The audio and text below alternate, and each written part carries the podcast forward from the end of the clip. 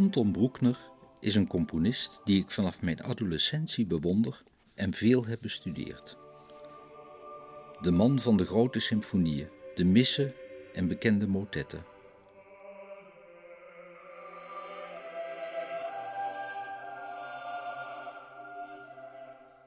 Bruckner was een begenadigde organist. Toch heeft hij betrekkelijk weinig orgelwerken nagelaten. De oorzaak was dat hij fantastisch kon improviseren. Hij bracht het publiek in Parijs in 1869 en Londen 1871 in vervoering met zijn improvisaties. Het is jammer dat er geen opnamen van zijn bewaard.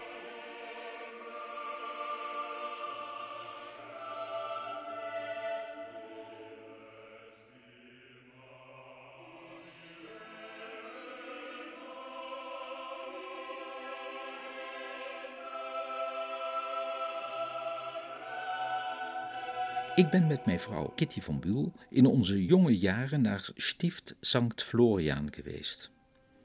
We hebben daar de kerk met het orgel bezocht waarop hij speelde en het kleine museum over Broekner.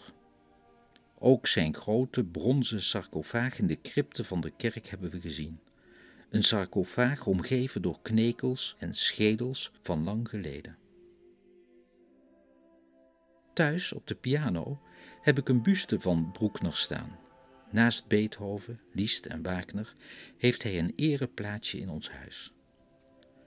Het is een moeilijk te verkrijgen exemplaar. Je ziet Bruckner trots de ring tonen die hij had gekregen ter gelegenheid van het eredoctoraat van de Weense Universiteit.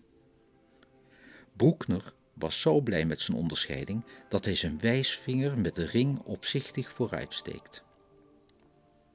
Een collega-docent aan het Elsendaal College en tevens Broekner-kenner, Wim Siebe, in Salzburg op 63-jarige leeftijd overleden, heeft de buste voor mij meegebracht uit Oostenrijk.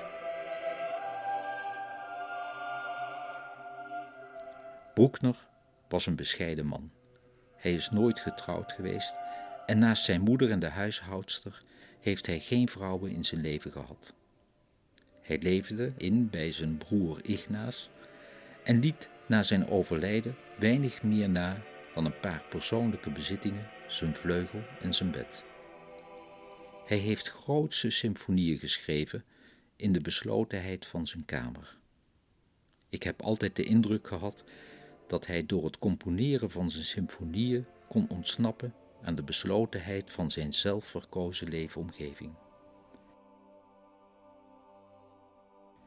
Micro- en macrokosmos kunnen soms in een kleine kamer verenigd worden.